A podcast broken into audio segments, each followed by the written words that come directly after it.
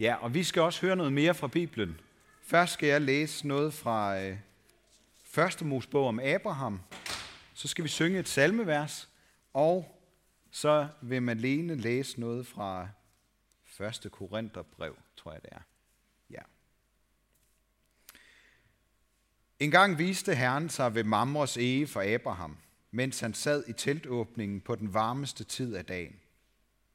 Han så op og fik øje på tre mænd, der stod der, og da han så dem, løb han dem i møde fra teltåbningen og kastede sig til jorden for dem.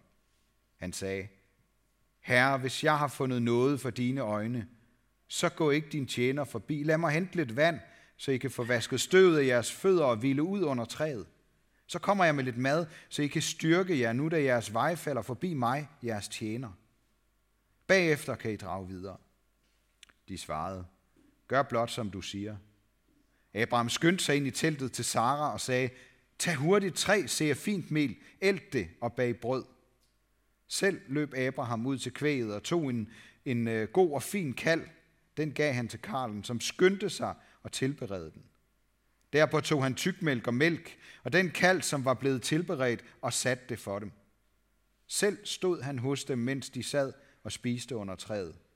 Så spurgte de ham, hvor er Sara, din kone?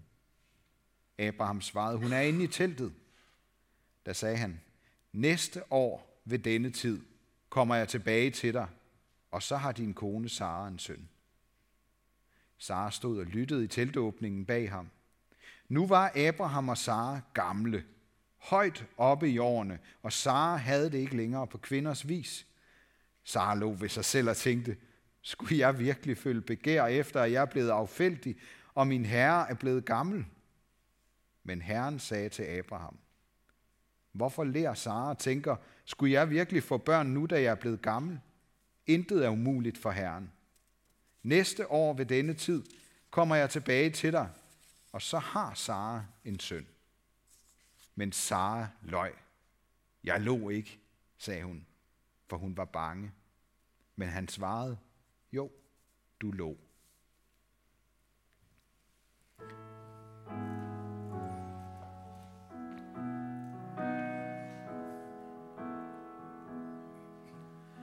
Du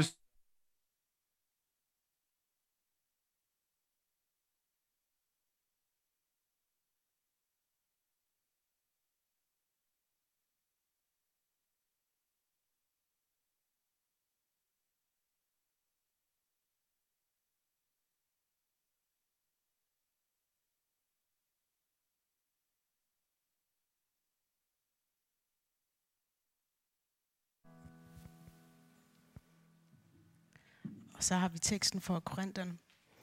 For da Gud i sin visdom ikke ville, at verden skulle kende ham gennem sin egen visdom, besluttede Gud at frelse dem, som tror ved den dogskab, der prædikes om. For jøder kræver tegn, og grækere søger visdom, men ingen prædiker Kristus som korsfæstet, en forarvelse for jøder og en dogskab for hedninger. Men for dem, der er kaldet, jøder såvel som grækere, prædiker vi Kristus som Guds kraft og Guds visdom. For Guds dårskab er visere end mennesker, og Guds svaghed er stærkere end mennesker. For tænk på, brødre, hvordan det var med jer selv, da I blev kaldet. I var ikke mange vise i værtslig forstand, ikke mange mægtige, ikke mange fornemme. Men det, som er dårskab i verden, udvalgte Gud for at gøre de vise til skamme, og det, som er svagt i verden, udvalgte Gud for at gøre det stærke til skamme. Og det, som verden ser ned på, og som ringeagtes, det, som ingenting er, udvalgte Gud for at gøre det, som er noget, til ingenting, for at ingen skal have noget at være stolt af over for Gud. Men ham skyldes det, at I er i Kristus Jesus, som er blevet vist om for os fra Gud. Både retfærdighed og helligelse og forløsning, for at den, der er stolt, skal være stolt af Herren, som der står skrevet.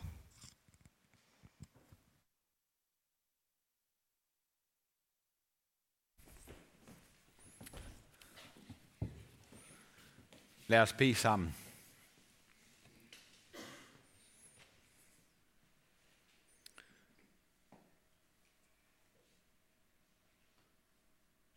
Gud, vi, øh, vi forstår ikke, at hvorfor du øh, vil besøge os mennesker.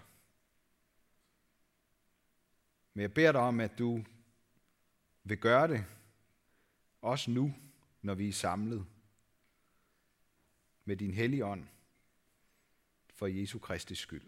Amen. Besøg af Gud. Prøv lige, prøv lige at tænke over det. At få besøg af Gud. Det, det er en ret vild tanke, hvis man lige tænker efter.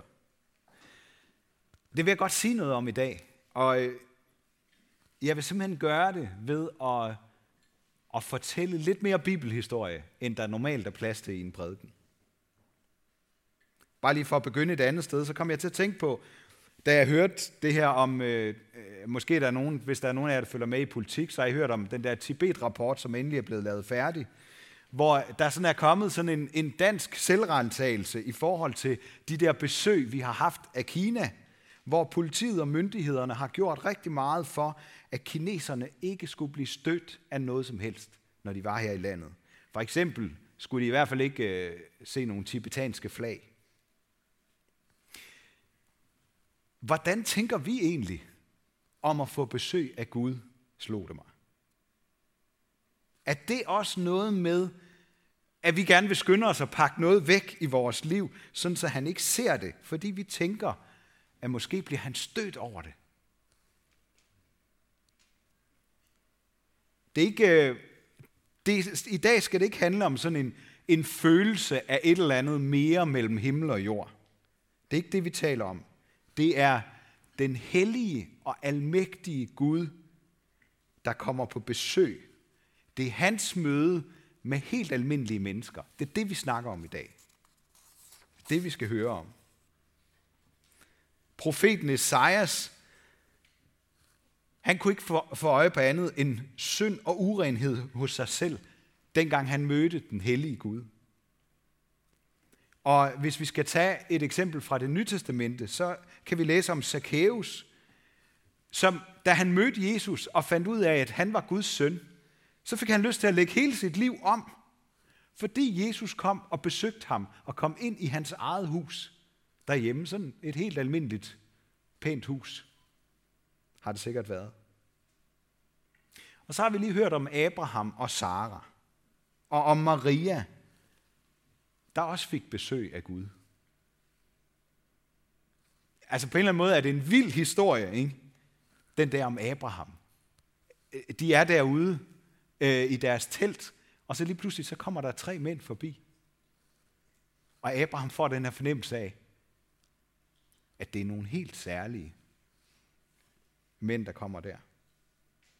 Det er en vild historie, som så bliver overtrumfet eller overgået af en endnu vildere gentagelse. Fordi begge gange, også med Maria, der kommer Gud for at skabe nyt liv, hvor det ellers er helt umuligt. Hvor der er dødt. Hvor det ikke kan lade sig gøre. Det gør han også ved at fjerne synden fra Esajas. Det gør han også ved at give Zacchaeus en ny chance for at leve til gavn for andre. Han havde ellers mest øh, stukket til sig selv og prøvet at få mest muligt ud af det hele så vendte han om og ville pludselig gerne give det tilbage, han havde stjålet fra andre. Hver gang Gud kommer på besøg, så er det for at skabe nyt liv. Selvom det ser helt umuligt ud fra vores synsvinkel. Han er der for at skabe nyt liv. Et nyt liv, det er altid et vindpust fra Guds verden. Uanset om det er et barn eller en ny mulighed, som Gud åbner for os. Måske et opgør med noget gammelt, så noget nyt kan komme til. Så kan man overveje det her, hvordan og hvornår sker sådan noget? Er det, øh, er det her i kirken? Er det lige nu, mens vi er her? Eller, eller er det derhjemme i hverdagen? Hvordan er det? Hvornår er det, Gud kommer på besøg? Da, da jeg forberedte det her, så øh, prædiken her til i dag, så, så kunne jeg godt mærke, at der var en meget stærk fristelse lige på det her tidspunkt i prædikenen. Som præst, så kunne jeg have meget lyst til at sige, at det er lige her. Det er i kirken. Det er der, Gud kommer på besøg. Ikke? Vi skal herhen, og så skal I høre på mig og på Henrik og alle mulige andre, som øh, har en hel masse, de gerne vil sige. Og, og prøv at tænke på, på Bibelen, hvis vi tænker tilbage i det gamle testamente, så kan vi læse om templet med alle reglerne og offringerne, og valgfartsfesterne, øh, og øh, de store højtider og sådan noget. Og, og vi kan også i det nye testamente læse om, hvordan Jesus tog hen til, i templet hver dag, og var der sammen med disciplene, og han underviste dem i Salomos søjlegang. Det er virkelig et vigtigt sted, det her sted, vi er samlet nu. Guds usynlige nærvær, pakket ind i et helt system af religiøse ord og handlinger. Sådan var det dengang. Templet det beskrives som Guds fodskammel. Så vi må forestille os, at, at han er meget større. Vi, vi aner måske bare lige det nederste. Altså en, en lille bitte del af Gud i sin storhed. Men Abraham og Sara, de får besøg af Gud hjemme i deres eget telt. Og Maria får besøg af Guds engel Gabriel hjemme i sin forældres hus. Og besøget, det skaber en reaktion, det vækker tilbedelse, det rejser også tvivl, og det giver håb. Der sker en hel masse. Og begge gange, der får dem Gud besøger en klar fornemmelse af, at det er Herren, der er kommet. For han fylder det hele. Det er ikke sådan en stille gæst, men det er en omvæltning, der skaber et før og et efter for dem. Der bliver sagt ord, som mennesker umuligt vil kunne følge op med handling. For eksempel så får ordene Abraham til at, at handle. Øh, jeg ved ikke, om I lader mærke til det, da jeg læste det. Han, han gør en hel masse ting, og, og, og han skynder sig. Der skal ske en hel masse, fordi han har fået besøg af Gud. Og den unge Maria får det til at sige en masse store ord om ham, der har sendt hende budskabet. Og hun er altså bare en ung kvinde. Øh, det kan godt være, at hun har hørt nogle af ordene før, men, men det er ligesom om, hun får nogle større ord, end dem, der er hendes egne. Når Gud kommer på besøg, så kalder det både på ord og handlinger hos os.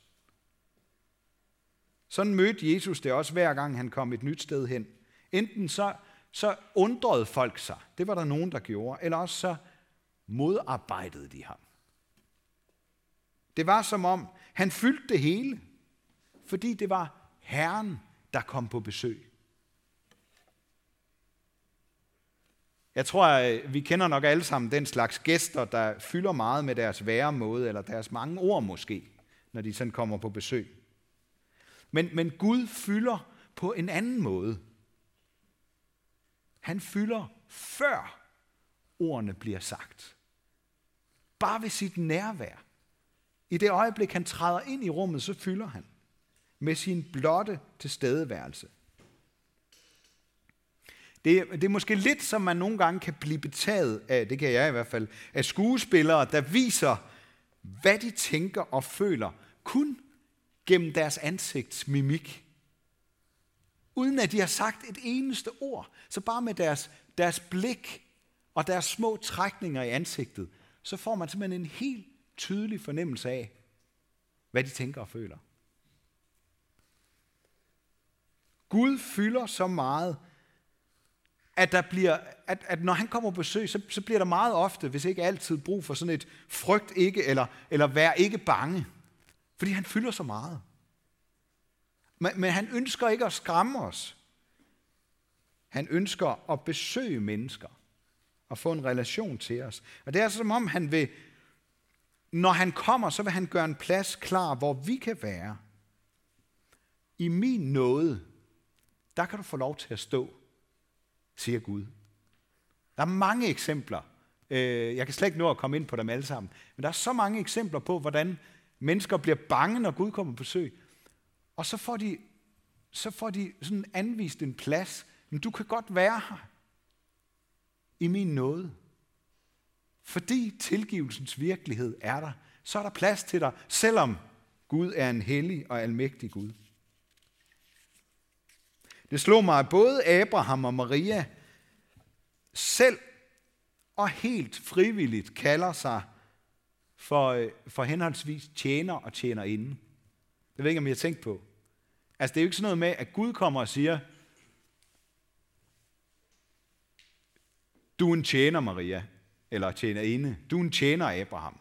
Find din plads under mig. Det er ikke sådan, det foregår. Abraham og Maria, de får fornemmelsen selv af, at Herren er kommet på besøg. Og så vælger de selv og frivilligt at kalde sig for tjener og tjener inde. De bliver ikke sat på plads af Gud. Det er der slet ikke brug for. Abraham så op, og så løb han gæsterne i møde, og så kastede han sig ned, og så beder han om noget og få lov til at tjene gæsterne. Gad vide, hvornår det gik op for ham, at det var Gud, der kom på besøg. Eller hvor meget gik det op for ham? I hvert fald nok til, at han ved, hvad han vil gøre. Hvad der er hans plads. Hans lyst til at sørge godt for gæsterne, det minder jo lidt om, om, om Peter på bjerget, hvor, hvor han var sammen med Jakob og Johannes og Jesus, og hvor Moses og Elias kommer og taler med Jesus. Og så vil han gøre alt godt, han kan, og bygge nogle hytter og alt muligt forskelligt, for at få dem til at blive. Samme fornemmelse får vi her med Abraham. Han, han fornemmer her, det her, det skal blive ved. Det er godt.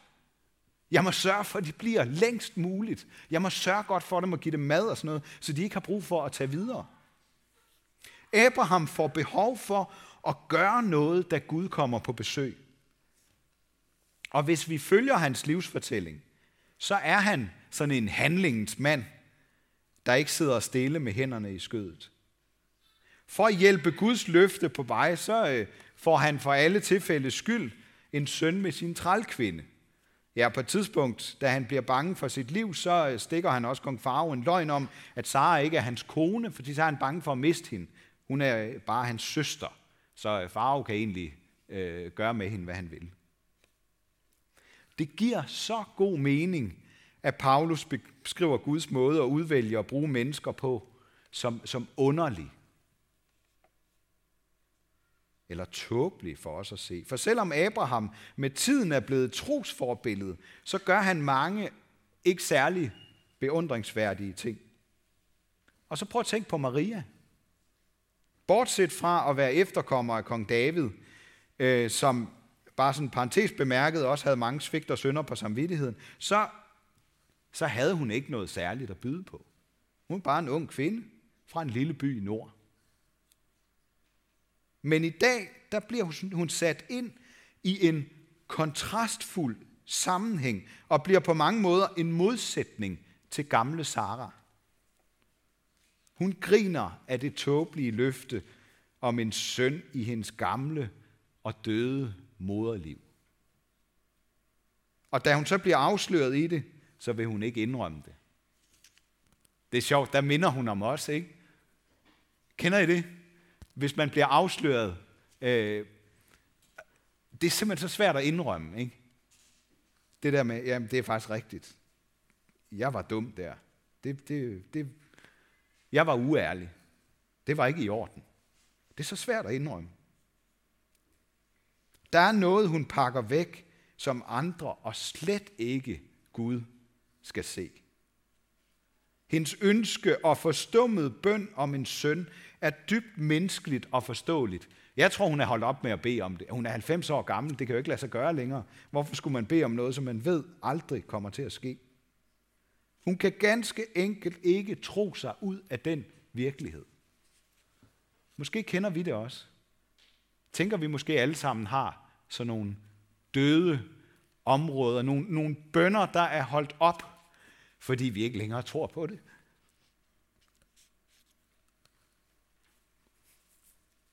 Men når Gud kommer på besøg, så er der intet, der er umuligt. Også på trods af vores menneskelige tvivl. Når han vil have gennemført sin plan, så sker det på en måde, som ingen mennesker ville have kunnet regne ud, selvom de så brugt hele deres liv og alt deres visdom på det. Der sker et under i Saras liv. Bogstaveligt talt. Og hendes tvivlende grin bliver til, forvandlet til moderlig glædeslatter et år senere. Jeg ved, om det er derfor, hendes søn kommer til at hedde Isak, der betyder latter. Maria får besøg af Guds engel, og jeg skal da ellers lige love for, at det gør noget ved hende. Hun ville aldrig have kunnet sige de ord, der kommer ud af hendes mund, hvis ikke Gud havde besøgt hende. Vi får illustreret det meget godt ved, at hun fortæller om sin sjæl, der ophøjer Gud, og hendes sind, der fryder sig over sin frelser. For Gud har set til sin ringetjener inde, siger hun, og minder os på den måde om en anden kvinde fra Abraham-historien. Hagar, trælkvinden, som Abraham fik øh, sønnen Ismael med. Saras trælkvinde, som på grund af Saras misundelse over øh, Abrahams søn Ismael, på et tidspunkt bliver jaget ud i ørkenen. Og derude, der får hun besøg af Guds engel, der trøster hende og fortæller, hvad hun skal gøre. Og så siger hun, og det er faktisk en af mine øh, yndlingshistorier fra Bibelen. Helt ude i ørkenen, der er helt ensom og forladt, der siger hun til Gud, som har besøgt hende, du er Gud, der ser. Det er det første gudsbillede, vi har præsenteret i Bibelen. Altså, det er det første, et menneske har sagt om, hvem Gud er. Du er en Gud, der ser. Og det billede af Gud, det gentager Maria, da hun siger, at hun har set, at han har set sin tjenerinde. Det er noget af det første, hun siger. Maria, hun siger, jeg er blevet set af Gud. Selvom jeg bare er en ung kvinde, en, en tjenerinde. Og så får hun ellers alt det ud, som Gud har gjort, nærmest i en, en lovsang. For Gud har ikke bare gjort store ting mod hende, men mod hele sit folk. Den hellige og barmhjertige Gud har husket og vil nu gennemføre sine løfter, som han allerede gav Abraham for over tusind år siden. Kan I se, hvordan historien gentager sig, og hvordan den tvivlende gamle Sara sammen med den troende unge Maria forener menneskehedens møde med den Gud, der kommer på besøg. Det er ligesom om, de bliver sådan to poler i den måde, vi kan møde Gud på. Med tvivl og med tro. Vi kan bevæge os inden for hele det her spekter af reaktioner i mødet med Gud, og så kan vi vide, at hans løfters opfyldelse ikke afhænger af, hvor meget tro eller hvor lidt tvivl vi nu kan præstere. Sådan har mange af os ellers lært, at øh, man skal gå til litteratur og kommunikation og sådan nogle ting. Det vi oplever det i, det er jo modtageren, der afgør, om det virker eller ej. Men ved hvad? Guds ord er noget anderledes. Det er noget mere end bare litteratur. For det får umulige ting til at ske fuldstændig uafhængigt af modtagerens reaktioner. For Guds ord skaber det, som det nævner. Jeg tror, vi har brug for at holde os selv fast på, at vores store ord, som vi nogle gange kan blive grebet af at sige, de skal også blive til handling. Marias store ord kunne hun ikke gøre til handling. Ved hvad, de blev til virkelighed i hende, fordi Gud ville det. Og hun tog imod det nye liv. Og derfor så er hun et af de mest lysende forbilleder på, hvad tro er, som vi har i hele Bibelen. Og det er vel at mærke, uden at hun havde levet et langt liv. Hun var kun lige begyndt på det. Okay, der er forskel på besøg. I kender sikkert den slags besøg, hvor man næsten fra starten kan mærke, at øh, gæsterne allerede er på vej hjem igen. Der er simpelthen ikke den der ro til at være der, fordi de skal bare videre, de der gæster. Eller måske har gæsten slet ikke tid til det, men kom alligevel lige forbi for at aflevere en ting, eller for lige at få sagt et eller andet. Jeg tror nogle gange, at vi tænker om Guds besøg på den måde. Han er bare lige forbi, fordi han lige skal sige noget. Måske skal han lige sådan øh, i ret sætte os lidt.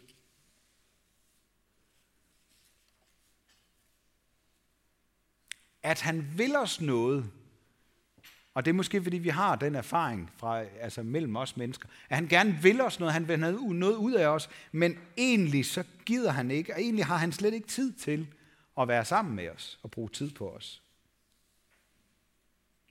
Altså, og, og han forlod jo også sine venner efter et stykke tid på jorden. Det, de fik tre år, og så var han afsted igen. Men Guds grund til at besøge os, det er, at han virkelig ikke ønsker os, eller ønsker sig noget andet og mere, end simpelthen bare at være sammen med os. Punktum. Nej, tankestreg er bedre, fordi han vil gerne være sammen med os for evigt og altid. Det er derfor, han besøger os. Og det er derfor, han har givet os Helligånden, for at vi kan, øh, vi kan jo ikke undfange Jesus, sådan som Maria, som det eneste menneske har kunnet. Det var kun hende. Men vi kan undfange troen på Jesus ved Helligåndens hjælp. Hvordan inviterer vi så Gud indenfor, hvis vi altså gerne vil have besøg af ham? Hvordan gør vi det? Sagen er, at øh, det er jo os, der kommer på besøg i hans kirke, når vi er sammen, sådan som vi er nu. Der er det os, der besøger ham. Den anden del, det er, at vi inviterer ham hjem til os i vores almindelige hverdag og liv. Og det kan vi gøre på et utal af måder. Helt enkelt, så kan vi gøre det ved at sige noget til ham gennem det, vi måske lidt stereotypt og stift kalder for bøn. Øh, og jeg ved, jeg har snakket med mange, øh, også nogle af jer, og, og øh, mange af os kan have det lidt svært med bøn øh, på, på forskellige måder. Men i virkeligheden, så, så handler det om, at, at vi inviterer Gud hjem til os og snakker med ham. Fortæller ham, hvordan det går, så vi vil gøre det med gode venner og gæster, der kommer på besøg. Eller vi kan gøre det ved at snakke med dem, vi bor sammen med om Gud, og tænke ham med ind i hverdagen. Det kan også handle om at spejle sig i de mennesker fra Bibelen, der vandrede med Gud og fik besøg af ham på en særlig måde. Det befriende, det er, at vi ikke, som når vi ellers inviterer gæster, skal gøre alt muligt klar og rydde rod og skidt af vejen, før Gud vil besøge os. Tværtimod så fungerer et besøg af Gud i virkeligheden stik modsat. Det er ham, der kommer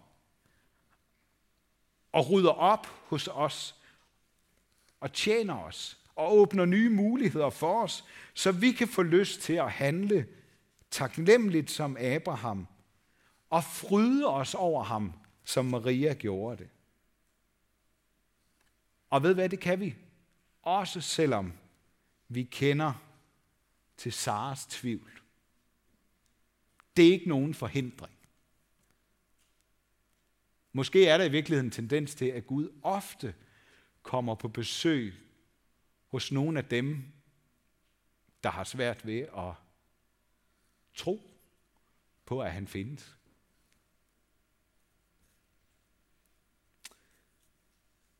Så her til allersidst, jeg håber bare sådan, at at I efter i dag har fået mod på at invitere Gud hjem til jer på besøg. For første gang, eller, eller måske igen, fordi det er længe siden, at han har fået lov til at være der. Ære være Gud, vores far, der har skabt os i sit billede. Ære være Guds søn, der tog vores straf så vi kan leve i frihed. Ære være Helligånden, ham, der gør Guds kærlighed levende for os. Og så synes jeg, at vi skal rejse os og sammen med hinanden ønske hvor Herres Jesu Kristi nåde, Guds kærlighed og Helligåndens fællesskab være med os alle. Amen. Og mens vi står her, så vil vi forsage den onde og bekende vores kristne tro. Vi forsager djævlen og alle hans gerninger og alt hans væsen. Vi tror på Gud Fader, den almægtige, himlens og jordens skaber. Vi tror på Jesus Kristus, hans indborne søn, vor Herre, som er undfanget ved Helligånden, født af Jomfru Maria, pint under Pontius Pilatus, korsfæstet, død og begravet, nedfaret til dødsrige, på tredje dag opstanden fra de døde, opfaret til himmels, siddende ved Gud Faders, den almægtige højre hånd, hvorfra han skal komme at dømme levende og døde. Vi tror på Helligånden, den hellige almindelige kirke, de hellige samfund, søndernes forladelse, kødets opstandelse og det evige liv. Amen.